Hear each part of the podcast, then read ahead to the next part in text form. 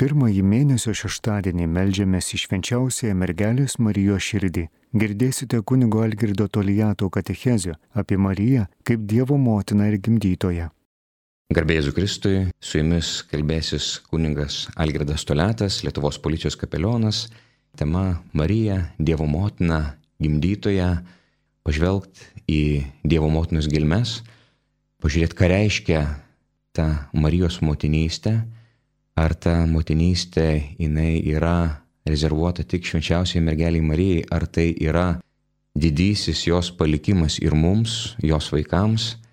Tai reiškia, kad ir mes esam pašaukti tapti Dievo gimdytojai šiame pasaulyje, ten, kur mes esame, savo aplinkoje. Jis yra mums duota tam, kad mumise gimdytų Dievą ir kad mes taptume tie, kurie skleidžia gerąją naujieną, kad mes tapę pagaliau tuo, kuo esame, panašus į savo paveikslą, tai reiškia pagal kurį esame sukurti į Dievo paveikslą, kad ir mes galėtume spinduliuoti tai, kas yra mūsų gelmes, tai, kas yra mūsų pašaukimas, tai, kas yra mūsų žmogiškumas. Tad pirmiausia, norėčiau pradėti nuo tos potėmės, kad Marija yra Dievo motina, Dievo gimdytoja. Ir Evangelijoje yra gražus toks pasakymas, kada viena motina sako, palaimintos tos krūtis, kuri žindė, palaiminta ta motina, kuri žindė tokį mesiją, kokia jinai laiminga, kad jinai yra, kad jinai turi, kad jinai gali pasididžiuoti savo sunumi.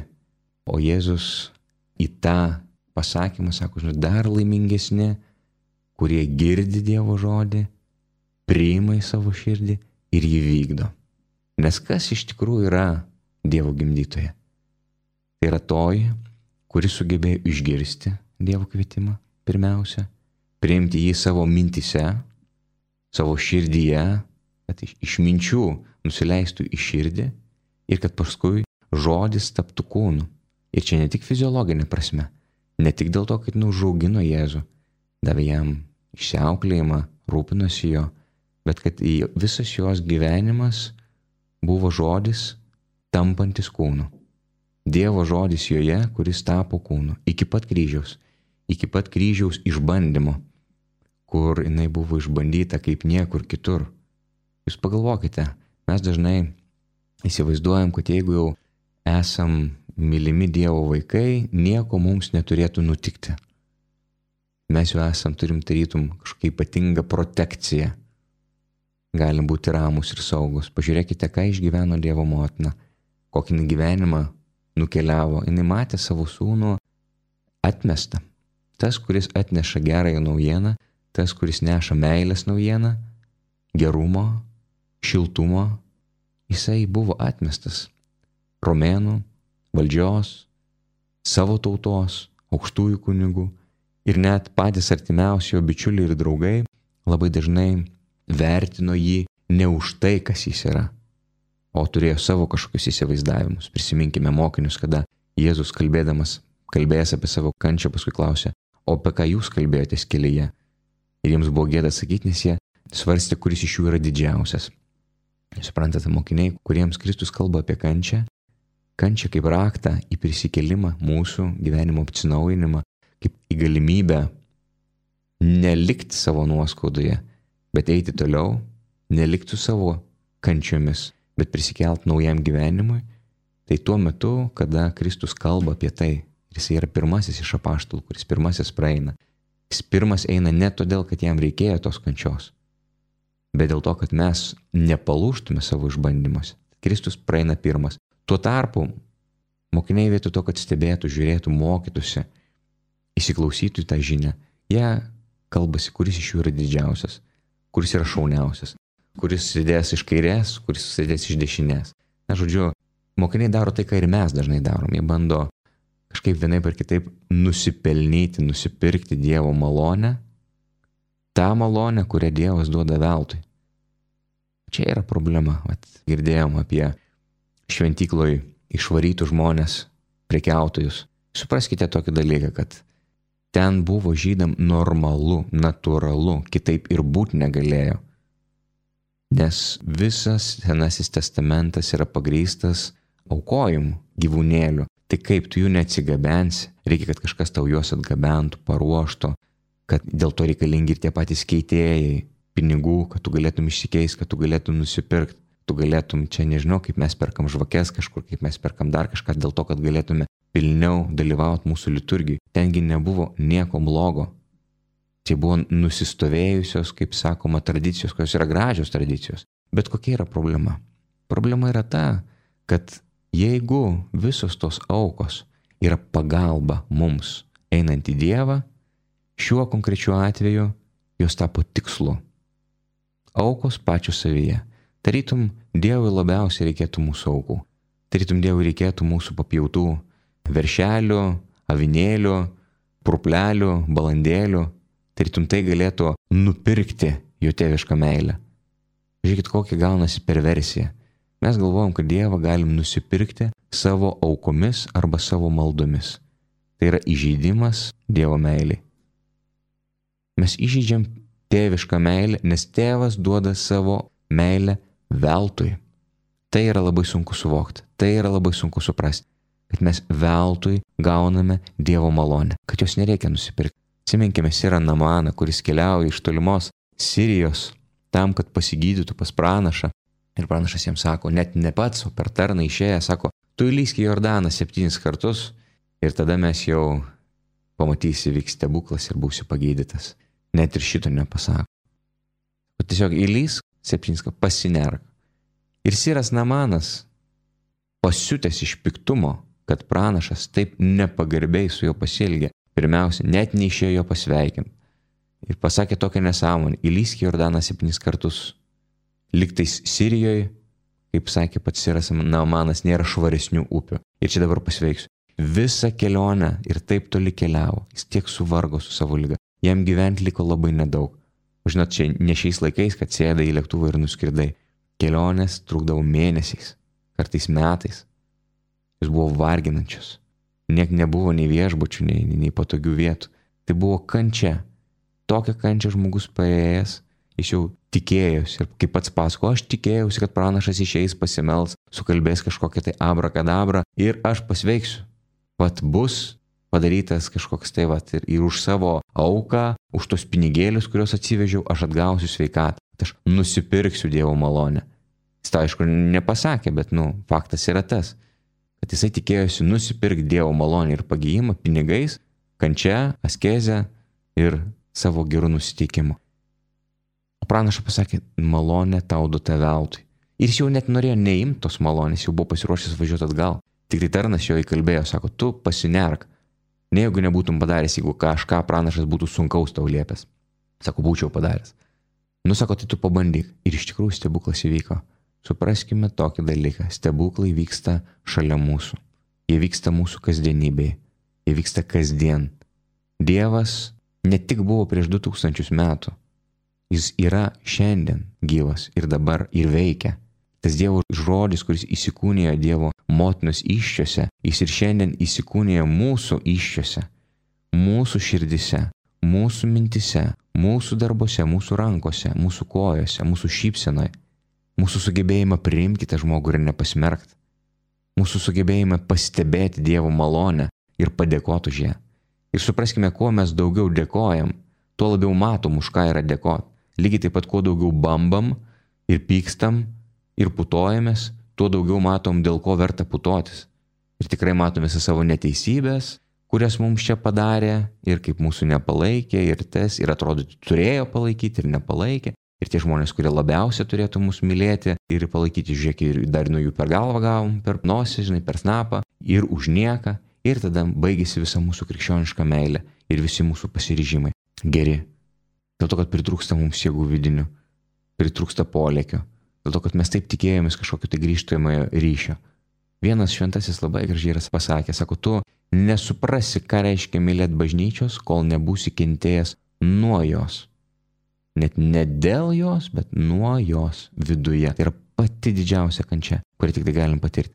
Tai yra ta kančia, kurią patyrė Kristus. Sakė, kaip vienas šventasis sakė, Kristų laiko ant kryžiaus ne vinis, o meilė.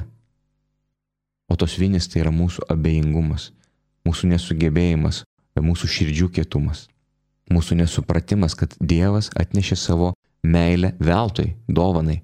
Tai kiekvieną kartą, kai mes bandom nusipirkti tą malonę, išsiderėti pas Dievą, tai mes įkalame prie kryžiaus, mes nes nesuvokiame, kad tai yra veltui. Tai dabar, ar kunigas nori pasakyti, kad visos mūsų maldos, visos mūsų aukos yra bergžios ir nereikalingos? Žinoma, kad ne tai nori pasakyti. Jos yra labai reikalingos. Tai yra mūsų bendruomenės kaip namai. Tai čia mūsų, kas yra mūsų bendruomenė? Tai yra, tai yra bažnyčia, kas yra bažnyčia? Tai yra mūsų namai. Tai jeigu mes norim, kad tie namai būtų tvarkingi, kad jie būtų gražus, kad ten skambėtų šlovė Dievui, kad ten būtų daromi geri darbai, kad mes palaikytume savo vargšus, kad mes vystytume evangelizacinę veiklą, kad vyktų katechezė Dievo žodžio skleidimas. Taigi visam, kam reikia ir tų aukų, ir tų lėšų, ir to palaikymo, ir tų aukų ne tik tai materialinė prasme, bet ir mūsų rankų prasme, mūsų kojų, mūsų savanorystės, mūsų maldų. Visa tai yra tos aukos, kurios reikalingos, be abejo, be abejo, kad jos reikalingos. Bet tai yra priedas. Tai yra priedas prie tos dovanos, kurią mes gauname veltui. Ne dėl to, kad mes esam savanoriais ir dirbam Radio Marijoje, savanoriavom ir darom labai gražius, labai prasmingus darbus, kad Dievas mums duos savo malonės daugiau. Jis negali mums duoti daugiau malonės, nes jau yra davęs kiek tik tai gali. Dievas veikia šimtų procentų visada. Mes pasiskaičiuojam, aha, šitam duosiu 10 procentų, šitam 30, šitam 80, o šitam gal net ir visus 90. Bet Dievas taip neveikia.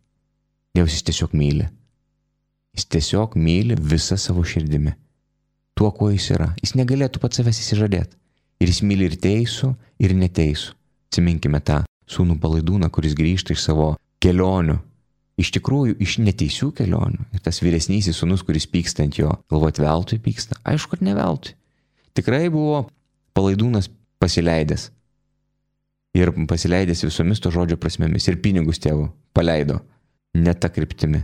Įsivaizduokit, koks yra įsiutis vyresniajam sūnui. Kad mažylis, kuris taip neteisingai pasielgęs, grįžta namo ir priimamas vėl kaip sunus. Jam čia ir jauti papjauna ir ten šventė iškelia. Jam taip pasidarė liūdna didžiajam sūnui, kad jis net negalėjo užeiti į tėvo namus. Ir tai yra suprantama, mesgi kaip pagalvojam, mes taip pat elgiamės. Ar mes kartais nesakom, nu jau su šituo tikrai nenorėčiau būti dangui. Aš nesikė esu girdėjęs, sako, jeigu dangui būtų šitas, tai jau geriau eičiau į pragarą. Bet mes supraskime tokį dalyką. Dievas, jisai nėra tas buhalteris, kuris skaičiuoja, kiek mes ko padarėm. Čia mes skaičiuojam, kuris čia bus ministras, kuris čia bus paprastas, kuris čia bus didesnis, kuris bus mažesnis. Mes esam kaip indai. Didesni indai, mažesni indai. Bet Dievas mus pripildys visus sklydinai. Jeigu tavo maža širdis, tai mažai ten vietos bus Dievui. Jeigu tavo didelė širdis, ten bus daug vietos Dievui. Jeigu tavo indas uždengtas su kažkokiu dangčiu, ten iš viso Dievo vietos nėra. Tai Dievas jisai kaip, kaip šaltinis, kaip srovė, kaip upė, begalinės malonės. Ir jinai plaukia visiems. Kiekvienas mes pasiemam tiek, kiek tik tai sugebam pasiimti. Ir mums reikėtų tik tai mažiau žiūrėti, kas ten kiek ir ko gavo, ir lygintis. Kai mes pradedam lygintis ir galvoti, kodėl tas gavo tiek, kodėl aš gavau mažiau, ir prasideda visos mūsų bėdos. Mes pradedam skaičiuoti svetimas malonės svetimus talentus. Viską patys veltui gavę, pradedam pykt kaip tie žmonės, kurie pradirbė vynoginę visą dieną, gavo talentą, nors tie, kurie dirbo tik tai valandą ar kelias, irgi gavo talentą. Bet supraskime, kad ką reiškia talentas, tai reiškia dienos užmokestis, kad ir, ir vieni, ir kiti gavo tiek, kiek nusipelnė, tiek, kiek jų plačios buvo širdis. Dievas jas pripildo sklydinai. Žodžiu, mūsų darbas Tai nesižiūrėti ir nesižvalgyti į kairę ir į dešinę, kas ten kiek ko turi ar neturi, gavo ar negavo ir už ką, bet padaryti, kad mūsų širdis būtų kuo talpesnės, kad mes galėtume kuo daugiau priimti tos malonės Dievo, kad jie galėtume gyventi, kad galėtume ją spinduliuoti, kad jie galėtume dalintis. Kuo daugiau daliniesi, tuo mūsų širdis plečiasi. Kaip yra tas posakis, sako, geriausia daugyba yra dalyba. Čia yra dieviškoji matematika kuo tu daugiau daliniesi, kuo daugiau išpliti savo širdį, tuo daugiau Dievas ten gali pripildyti. Ir čia ne mūsų, ne savo jėgomis. Jeigu mes tik tai pripildysim širdį savo darybėmis, savo kažkokiais tai nuopelnais, tai labai greit pasidarysim kaip fariziejai, kurie patys patenkinti savimi. Ir būsime maldos namuose ir sakysim, kaip gerai, kad aš nesu kaip tas nusidėjėlis ar nusidėjėlė. Kaip gerai, kad aš nesu kaip tas turistas, kuris čia atvažiavo. Jis čia atvažiavo tik nusifotografuoti prie Dievo motinos paveikslo, o aš ateinu pasimelsti, paukoti ir iš viso aš vaikštau kiekvieną sekmadienį bažnyčią ir dar ir rožančių sukalbu ir litaniją kasdieną. Kaip gerai, kad aš nesu kaip va tas va ta. O ką mes žinom, kas tai per žmonės? Ką mes žinom, kokius Dievas daro darbus per juos? Ką mes žinom, kur tie tos geros valios žmonės ir angelus? Ką mes žinom, kiek jiem yra duota? Gal ten praėjo našlė, kuri turi tik du skatikus ir juos atiduoda. Taip kaip moka, taip kaip sugeba. Tai kas mes esam per teisėjai. Mes tik galėtume palaikyti viską, kas yra gera. Vietoj to, kad maltume liežuviais ir plaktume liežuviais, kritikuotume ir žiūrėtume, kodėl čia kas ir kaip. Ir pažiūrėk Dieve, koks aš esu. Taigi visą, ką turime, ką mes turime, kaip ten sako, ar turi kažką, ko nebūtum gavęs? O jeigu neturi nieko, ko nebūtum gavęs, tai kuo tu didžiuojasi? Tai vienas turi daug talento, kitas turi mažai talento. Viskas yra Dievo malonė, viską mes esame gavę. Tai, mėly Marijos radio klausytojai, prašykime Dievo, prašykime, kad Jisai padėtų mums vis labiau atpažinti tos talentus, dorybės, turtus, kuriuos sudėjo mūsų širdis, kad padėtų padauginti ir kad mes kaip Evangelijoje, kur parašyta, esam nereikalingi tarnai, padarėm tai, ką turėjom padaryti, kad be savo kažkokių tai ambicijų, įsitikinimų, lūkesčių teisingų ir neteisingų, kad mes turėtume atviras širdis didesnį Dievo garbiai. O dabar pasiklausykime muzikinės pauzės. Pašlovinti didybę beribio tavojo gailestingumo, nors mūsų gėdamos karaliaus šventas giesmės, lyg smiltys būtų nesuskaitomos, atsidėko tau būtų negana už tai, ką tu davai mums gėdantiems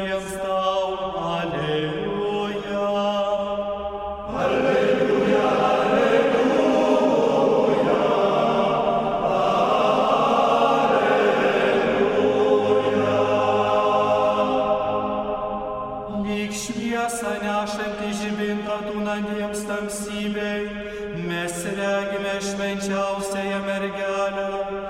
Ji šviesą dvasiniai žiebus rodo kelią, kad Dievo pažinimą mums visiems atneštų, spindėsiu savo protus apšvietus, šūksniu mus taip pagerbiama.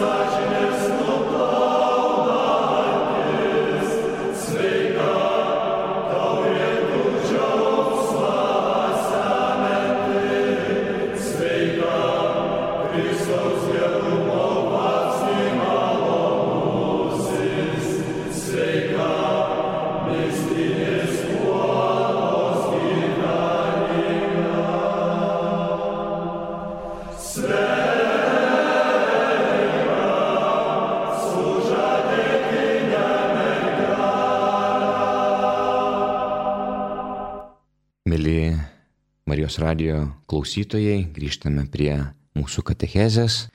Laidą veda kuningas Algirdas Toletas, Lietuvos policijos kapelionas. Tad grįžkime prie Dievo motinos, grįžkime prie tos temos, prie mūsų talentų, kuriuos Dievas sudėjo į mūsų širdis ir kuriuos mes turėtume padauginti. Ir vienas dalykas, žinot, Hamleto pasakyti žodžiai, sako, būti ar nebūti kurios galėtume perfrazuoti ir pasakyti būti ar turėti. Labai svarbi tema. Dievo motina, jinai turėjo ar buvo? Jis turėjo Dievo malonę, turėjo kažkokį tai išskirtinumą, turėjo kažkokį tai blatą pas Dievą, turėjo daug talentų, ar jinai buvo? Ar jinai gyveno Dievu? Čia yra, žinokit, didžiulė kaip praraja. Kaip tarp dangaus ir žemės, tarp būti ir turėti. Ir kur yra visų fariziejų problema? Kur yra mūsų problema? Sakoma, žinot, yra daug anegdotų apie naujieji rusai. Žinot, čia naujieji fariziejai.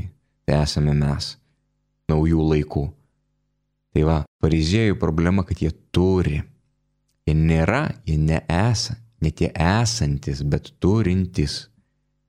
Galima turėti draugą, galima būti su draugu, galima turėti žmoną, galima būti su žmona, galima turėti malonę, galima būti malonėje.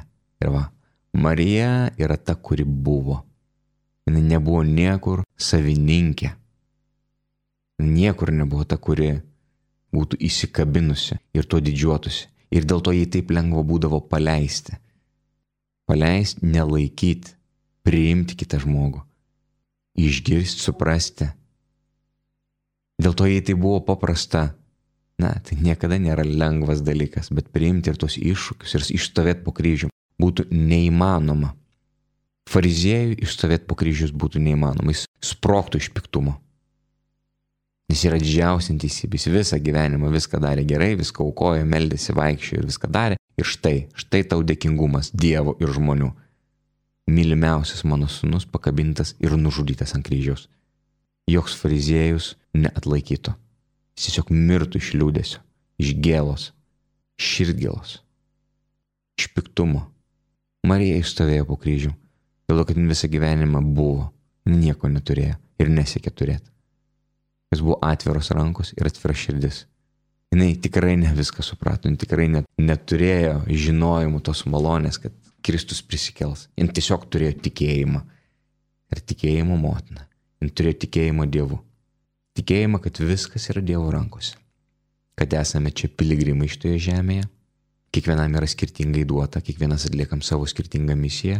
Ir kad jeigu taip atsitiko, kad mylimas žmogus turi iškeliauti iš šio pasaulio čia ir dabar, tai tą laikyseną paleisti. Mylėti, paleisti ir toliau likti vienybėje Dievuje, Kristuje. Kaip ir mes turime galimybę Kristuje turėti ryšį net ir su tais, kurių mūsų gyvenime nebėra dėl vienokių ir kitokių priežasčių. Galbūt jie iškeliauja amžinybę, gal jie tiesiog atitolo, bet Dieve mes esame viena. Dievas kuris mus subūrė ir sujungia. Kaip koks, nežinau, koks internetinis ryšys, kuris visą talpina savyje, per kurį mes galime išlaikyti tą vienybę, bet negalime turėti. Negalime turėti savo. Tai yra dieviški dalykai. Tai yra tai, kas yra mums. Išeinam iš formulės aš, iš apibrėžimo aš į formulę mes. Mes kartu į didįjį aš, iš mažojo aš einame į didįjį aš, bendruomenę, į mano kaimynus. Ir bendruomenė nėra tik tai tie, kas sako tavo yra artimas. Tas, kuris yra, ar tik tas, kuris tau patinka, ar tik tas, kuris tau yra mielas ir malonus, ar tik tas tavo brolis, kuris nėra palaidūnas, tik tai tas tavo artimas yra. Ne, artimas yra tas, kurį tu turi šalia. Kiekvienas, tavo kaimynai, tavo situacija, tavo problemos, tavo iššūkiai, visa tai yra tavo artimas. Ir kiek sugebėsim tai priimti, kiek sugebėsim tai integruoti savo gyvenimą, kiek sugebėsim tuo gyventi, tiek būsime Dievo vaikai. Čia ir dabar tiek gyvensime jau čia žemėje amžinybėje. Kiek žmonių, kurie galvoja, kad užsiema asketizmu, kenčia, toleruoja, bedantį sukandę. Iš tikrųjų, jie nemyli nei ten to savo kaimyno, bet tik dėl to, kad liepia Dievas ir bažnyčia, sukandę dantis, pakenčia. Bet tai kiek tai gali trukti? O jūs galvojat, kad žmonės nejaučia, kada tu jų nemyli ir vaidini tik tai, kad tu juos myli, kad tu šypsaisi, kad tu ten, žodžiu, iš tikrųjų neaišku, ką ten galvoja, arba truputėlį netgi yra aišku, o, o iš išorės paplonini liežuvį ir, ir pamalonini ir pradedi visai kaip na, vaidinti tą brolišką meilę, nors viduje visiškai netaip galvoji.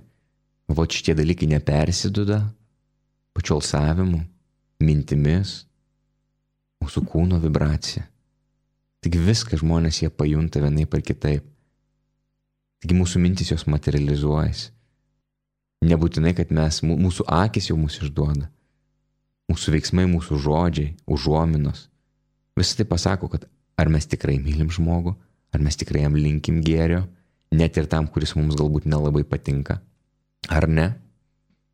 Tai va, ką reiškia neturto dvasia. Mes daug kalbame apie tai, kad Marija buvo neturtinga.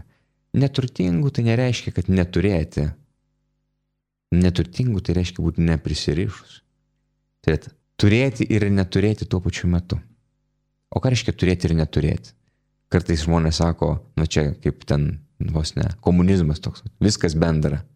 Bet žinot, jeigu daiktas kažkoks yra bendras, jeigu daiktas yra visų, tai dažniausiai jis yra niekino. Jis yra nesaugomas, jis yra niokojamas. Ir dėja, net ir tarp krikščionių, ir kokie ten būtų praktikuojantis ir geri, jeigu daiktas yra bendro naudojimo, tai jisai yra visai kaip ir naudojamas, negailint. Jeigu nereikia už elektrą mokėti, na tai jinai ir dega lemputės kiek tik įmanoma. Jeigu nereikia ten skaičiuoti printerio apsisukimų, tai jis ir sukasi nesustodamas. Jeigu nereikia, jeigu mašina niekino, tai jinai ir važiuoja ir rėda į visas pusės reikia, nereikia. Ir taip toliau ir panašiai. Tų pavyzdžių yra šimtai. Mes tiesiog nesaugom. Tai nejaugi mes kalbam apie tokią turėti ir neturėti. Žinoma, kad ne. Čia yra iškrypimas. Čia yra atsakomybės nebuvimas. Čia yra kaip tik netausojimas Dievo malonės. Ir tai yra blogai, tai yra nuodėmė. Mes turėtume saugoti tai, kas yra mūsų ir dar labiau saugoti svetimą turtą, kurį mums kažkas padovanojo, galbūt davė naudotis. Ši čia yra tas pakvietimas. Tai žodžiu, neturėjimas tai nereiškia neatsakomybė, nors dažnai taip gaunasi. Aš neturiu, dėl to galiu daryti bet ką. Tai ne, sėčiau dar pagarbiau, dar daugiau meilės. Neturėjimas tai reiškia nebūti prisirišus. Kaip Paulius sako, šiandien aš ten švenčiu, turiu ką valgyti, dosniai priimtas. Rytoj galbūt viso to neturėsiu, poryt galbūt vėl turėsiu, užporyt ir vėl nieko neturėsiu. Ir sako, ir aš to nebijau. Aš galiu ir skursti, ir būti turte. Ir manęs nei vienas, nei kitas dalykas negazdina. Nebijau nei vieno, nei kito, nei skurdo, nei turto. Kartais mes į kitą pusę nueinam, žinai, ypatingai didėja asketai. Jie galvoja, Na, tik neturtas, tik neturtas ir nedaug dievė, jeigu čia bus tik tai turtas, tai jau čia yra blogai. Taip nėra. Turtas nėra blogis. Viskas priklauso, kaip tu jį naudoji, kokiems tikslam. Viskas priklauso, ar jisai pavergė tavo širdį ar ne. Nes yra tų skurdžių, kurie užlita parduotų savo brolį, savo seserį. Nėra nieko baisiau už skurdą. Yra žudantis. Jis nuplėšė nuo žmogaus bet kokį orumą padaro žvėrį žmogaus. Čia tikrai nėra vertybės skurdas. Nes mes įsivaizduom, kad kuo jau skurdas, kuo didesnė, kuo didesnė ta nelaimė, kad tuo labiau mes čia esam Dievo žmonės ir tuo labiau atsirišę nuo, nuo šio pasaulio. Visiškai nebūtinai. Žinoma, kad yra žmonių, kurie tikrai gyvena asketinį gyvenimą, sunkiai protų suvokiamų, bet jie lieka mylintis, lieka šviesų žmonės, lieka tie, kurie globoja, tie, kurie nesmerkia. Va štai kur yra tie ženklai, kurie sako, kad tavo asketizmas yra geras ir teisingas. Jeigu tu moki dėkot už viską, jeigu tu moki nieko nekritikuot, nenuvertint, jeigu tu moki, vėlgi, įvertinti, saugoti, tada tavo asketizmas yra geras. Jeigu tavo asketizmas veda tave į didesnę meilę žmogui, net ir nusidėliui, jis yra geras. Jeigu tavo asketizmas veda į tokį nedavalgymą ir būt pastoviai alkanas, piktas, bambantis, tai, kaip šventame rašte parašyta, Dievas myli džiaugsmingą davėją. Tas tavo auka, kokia ten bebūtų piniginė, ar ten pasniko forma, ar maldos, jeigu tai nėra dovana, jeigu tai nėra džiugia širdimi padaryta, jinai nereikalinga Dievui. Nes supraskime tokį paprastą dalyką. Aukos yra reikalingos ne Dievui, jos yra reikalingos mums. Nes mes duodami tik dar labiau praplečiam savo širdis. Tai jeigu mūsų aukos nepraplečia mūsų širdis, o dar labiau susiaurintos, tai kam jos reikalingos? Jos netgi žalingos gali būti kaip ir Evangelijų parašyta apie fariziejus, sako, tik jeigu tu davai ir trimituoji per penkis kvartalus, kad aš daviau, padariau, nuveikiau žygį, tai kam jinai reikalinga tai? Tiesiog tu atsimi tai, ką turi atsimti, atsimi savo tuštybę. Ar tai pakeitė tavo gyvenimą, pakeitė tavo žvilgsnį, ar tave padarė labiau panašų į Kristų? Žinoma, kad ne, gal dar labiau nutolino. Nes tu pasidarai kaip tas fariziejus, kuris dabar nueisi nubėgsi ir dėkosi viešpačiui. Ačiū Dievui, kad aš nesu kaip tie nusidėjėliai, kurie praeina net nesustodami. Kas iš tokios tavo aukos? Kas iš tokios tavo dovanos? Ar čia yra tikrasis tas nusižeminimas, nuolankumas? Žinoma, kad ne. Tai yra tam tikras iškrypimas. Nors dažnai mes tai vadinam nuolankumu, nors dažnai mes tai vadinam askezė. Kroja askezė tai yra sugrūdusi širdis, tai yra atsivertimas, atsigrėžimas į Dievą tas, kas pakeičia mūsų gyvenimą, tai kas mums padeda mylėti vieni kitus, priimti, priimti save, priimti net savo trapumą. Supraskite, kas yra neturtas. Turtas mes galvojam dažnai, kad čia yra tik tai kažkaip tai su materija susiję. Bet pavyzdžiui, neturtas neturėti savo netgi tiesos kažkokios tai, savo stereotipų, atsisakyti savo įvaizdžių, net Dievo įvaizdžių, Nusistovėjo toks įvaizdis, mes įsivaizduojam Dievą, sufoksuojam, kokį mes jį norėtume matyti. Ir įsivaizduojam, kad Dievas yra toks. Kalilis Džibranas labai gražiai savo poezijoje, knygui pranašas rašo apie grožį. Sako, grožis vienam yra tas, kitam yra tas, trečiam yra tas. Bet sako, čia dar nėra grožis. Sako, čia yra tik tai mūsų nepatenkinti lūkesčiai. Čia yra tik išmalda. Tai, ko mums reikia, mes įsivaizduojam, kad tai yra gražu. Sako, tikrasis grožis tai yra ekstazė, kurios tu negali sustabdyti. Tai yra daina, kurią tu girdi net užkišęs ausis. Tai yra vaizdas, kurį tu matai net užmerkęs akis. Tai yra tai, ko tu negali sustabdyti. Tai yra ekstazė. Štai yra tikrasis grožis. Tai yra gyvenimas, kuris liejasi pilnai. O ne kažkokie tai mūsų lūkesčiai nepatenkinti. Mes dažnai tai subanalinam ir padarom, kad įsivaizduojam, kad tai yra tik tai ir siekiam. Ir tai mūsų tampa siekimybė, tam tikrą prasme stabas, bet kartu mes ir apribojame. Mes įsivaizduojam, susikuriam savo religiją, jos rėmus, dogmas, taip kaip mes jas interpretuojam. Ir pasidarom savo mažasis bažnyčias. Galbūt mes viską darom taip, kaip turi būti, vaikštom, bet mūsų širdis nėra neturtingos. Ir nedaug dievė mūsų keli pasitaiko žmogus, kuris mums nepatinka, netinka, netitinka mūsų standartų. Mes nesugebam jo integruoti. Gerai, galbūt mes jo neprieksim, galbūt su rožančiu neužvažiuosim per kuprą, nors ir tai nutinka. Ir net bažnyčiui teko matyti tokių dalykų. Tai ar čia gražu, ar čia krikščioniška, kada lenkai su lietuviais prasilenkdami dar ir prasilenkdami dar viens kitam užpliekė su rožančiu ar pastumė, ar, ar užkabina, ar vienas atsistojo, kitas atsisėdo, kol komunijos nuėjo. Nu čia kaip vaikų darželis. Čia yra elementarus pagarbos trūkumas. Apie kokį dieviškumą mes čia galim kalbėti, kad čia žmogiškumo nėra. Žinote, yra vienas pasakęs, kad negali būti šventas, tai pasisteng būti bent žmogiškas. Viskas prasideda nuo žmogiškumo. Jeigu mes nesugebam net čia, tai kaip sako apaštalas Jonas savo laiškuose, kaip tu gali mylėti Dievą, kurio nematai, jeigu nemyli brolio, kurį matai, kuris yra šalia. Tai jeigu mes neperžengėm savo stereotipų, savo arogancijos ir pykčių šį čia, tai kaip mes galim mylėti Dievą? Tai va Marija buvo ta, kuri peržengė save, ta, kuri nekritikavo. Dievo motina kuris sugebėjo priimti, išgirsti, išklausyti. Kiekviena net ir skirtinga, kitokia. Ir dėl to jinai buvo Dievo gimdytoja. visame kame, kiekviename savo veiksme, net ir savo didžiausiam skausme, net kada jos širdį perdurė septyni kalavijai, net ir tada jinai buvo Dievo gimdytoja po kryžiumi. Mėly Marijos radio klausytojai, atsisveikindama su jumis, noriu jums ir savo palinkėti, kad ir mes Dievo motinos pavyzdžio taptume Dievo gimdytoje, kad sugebėtume priimti Dievą į savo mintis, į savo širdį ir gimdyti Dievą savo kasdienybėje. Sudė.